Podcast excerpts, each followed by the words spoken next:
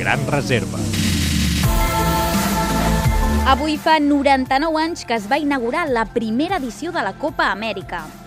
La primera edició del campionat que juguen les seleccions de futbol de Sud-amèrica es va celebrar a Buenos Aires durant dues setmanes, coincidint amb el centenari de la Declaració d'Independència de l'Argentina. En aquell moment el torneig es va batejar com a Campionat Sud-americà de Seleccions i posteriorment canviaria el nom per Copa Amèrica, com actualment la coneixem. L'Argentina, el Brasil, Xile i l'Uruguai van ser les seleccions que es van enfrontar en la primera edició. La final la van jugar l'Argentina i l'Uruguai en un partit que es va suspendre als 5 minuts de l'inici per al Darulls i que es va posposar a l'endemà.